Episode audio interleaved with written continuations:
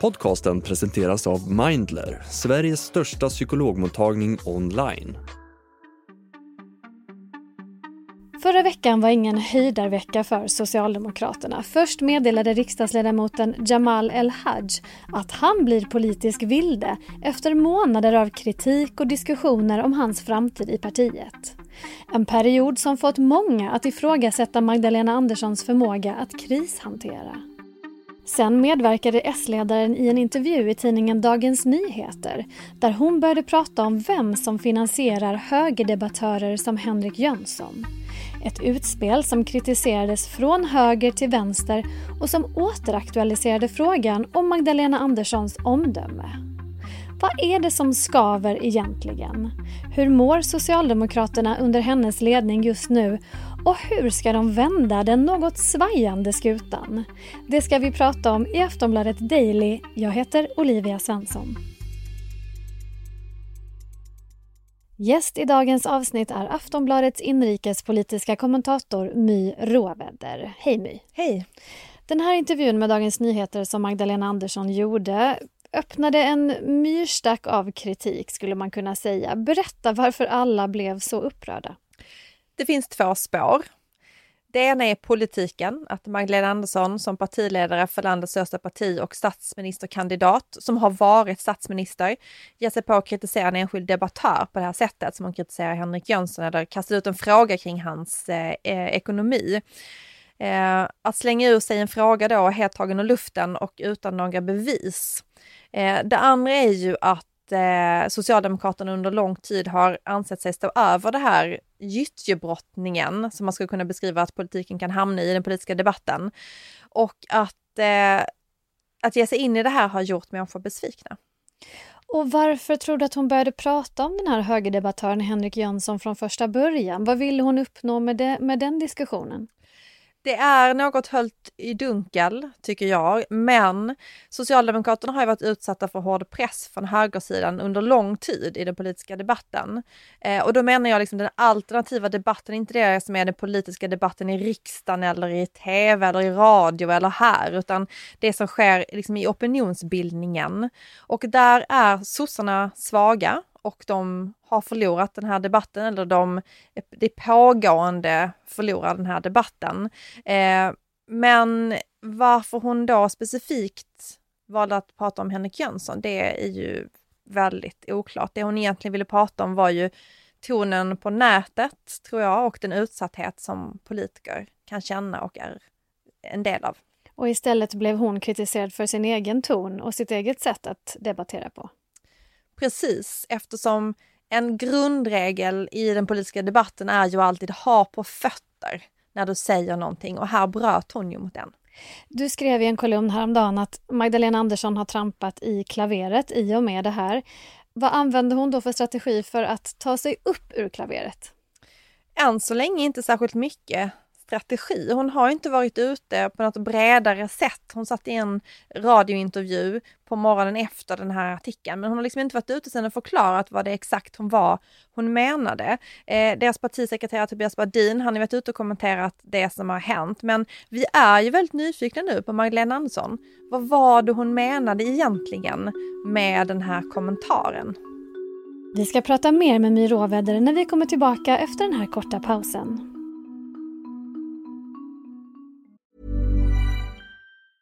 Normally, being a little extra might be a bit much, but not when it comes to healthcare. That's why United Healthcare's Health Protector Guard fixed indemnity insurance plans, underwritten by Golden Rule Insurance Company, supplement your primary plan so you manage out of pocket costs. Learn more at uh1.com.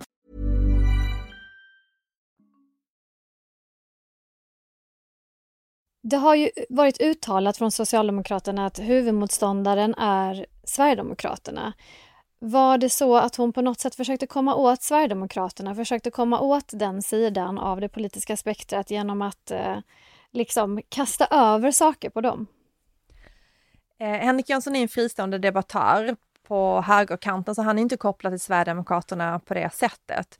Eh, jag tror mer det handlar om att de känner att de har tappat kontrollen på den här debatten och den är väldigt, det är en väldigt aktiv politisk debatt på högersidan som Socialdemokraterna inte är en del av men är utsatta för. Eh, och att det här var ett ett eh, uttryck för frustration helt enkelt. Så när man tittar på den här politiska strategin, att debattera Sverigedemokraterna eller se dem som politiska motståndare, eh, det tycker jag är en väldigt, det är ju egentligen en väldigt fattig strategi. För att i politiken så är det klart att man ska ha politiska motståndare, men det handlar inte bara om att vara emot saker och ting, utan det handlar också om att vara för någonting och att driva politiken framåt. Och det fattas ju i en strategi där man bara är emot att samarbeta med ett parti eller bara är emot att andra partier samarbetar med ett parti som Sverigedemokraterna. Tror du att de har tänkt fel där helt enkelt? Jag tycker att det är en för fattig politisk strategi för att det ska hålla för ett helt parti att gå till val på. Så jag hoppas att det ska bli lite mer liv i den här debatten, för det tycker vi politiska journalister också är roligare än när man bara tycker att man är emot någonting. Så sant. Magdalena Andersson har andra problem också. Hon befinner sig i blåsväder för hur hon har hanterat sin förre partikamrat Jamal El-Haj som nu är politisk vilde i riksdagen sedan en vecka tillbaka.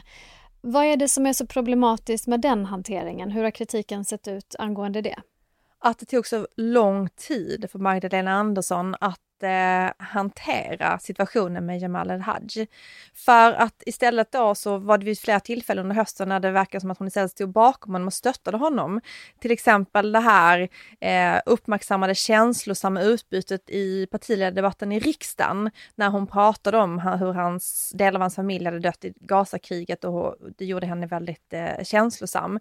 Eh, och hon har ju också återkommande valt att stå tillbaka och hänvisa till att det är eh, partidistriktet i Skåne då, hans hemdistrikt, som, som bestämmer Jamal El-Hajs framtid. Och så är det ju formellt i Socialdemokraterna. Men det är ju inte så att någon kan tro att en partiledare inte har någonting att säga till om ifall en person har förtroende i ett parti eller inte. Inte i en sån här känslig fråga som den kring Jamal El-Haj, där man upprepat bryter partiets rekommendationer, där man pratar om hur man eh, har andra prioriteringar, hur man eh, gör sina egna val och fast man vet att det kommer skada partiet ändå går sin egen väg. Det är ju liksom kardinalregler i ett politiskt parti att man ändå följer partiet när det kallar eller när det ber dig om någonting.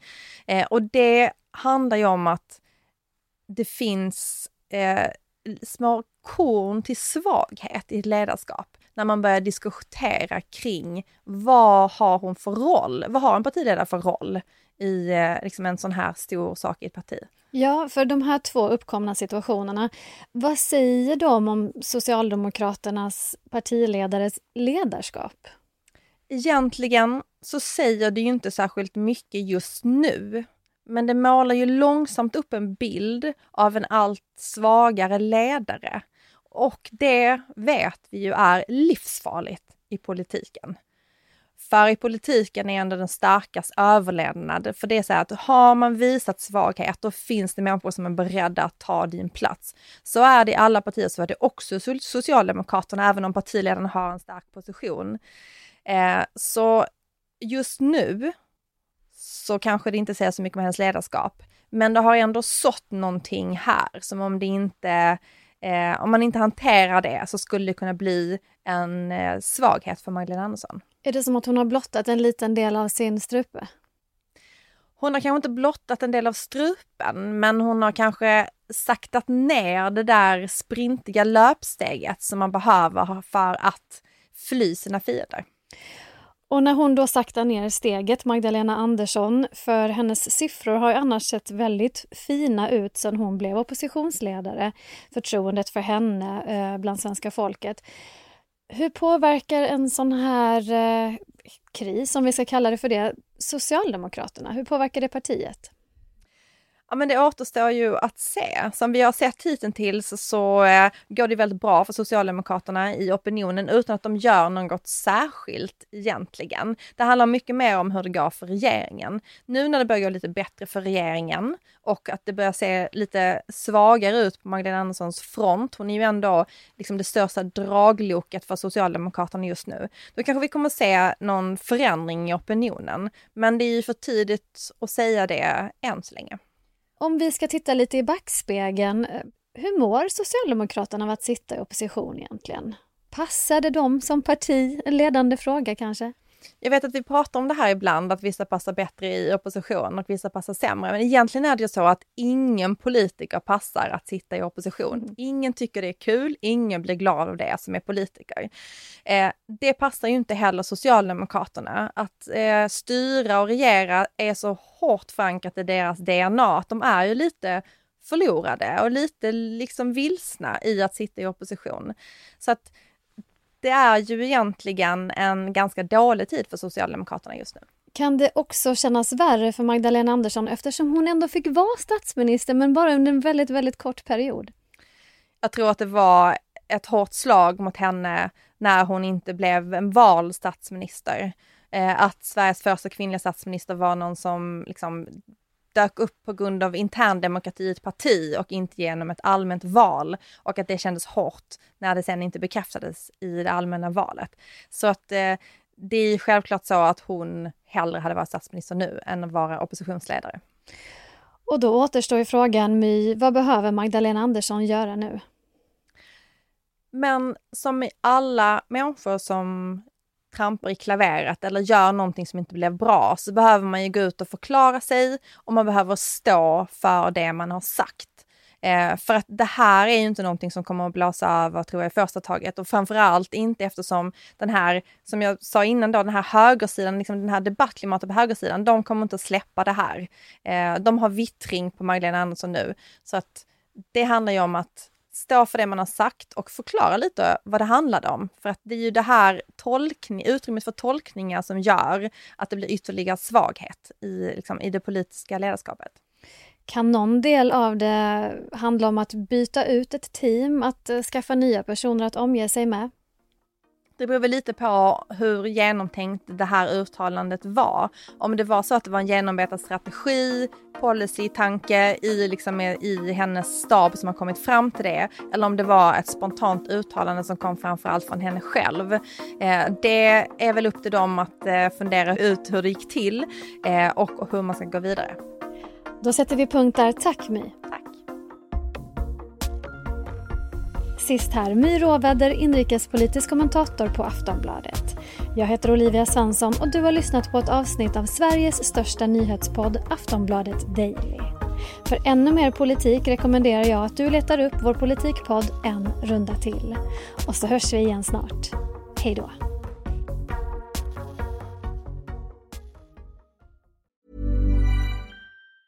Quality sleep is essential for boosting energy, recovery, and well-being. So, take your sleep to the next level with Sleep Number. With a Sleep Number smart bed, you can individualize your comfort level and enjoy a better sleep night after night. JD Power ranks Sleep Number number 1 in customer satisfaction with mattresses purchased in-store. And now the Queen Sleep Number C4 smart bed is only $1,599, a saving of $300, only for a limited time. For JD Power 2023 award information, visit jdpower.com/awards. Only at Sleep Number stores or sleepnumber.com.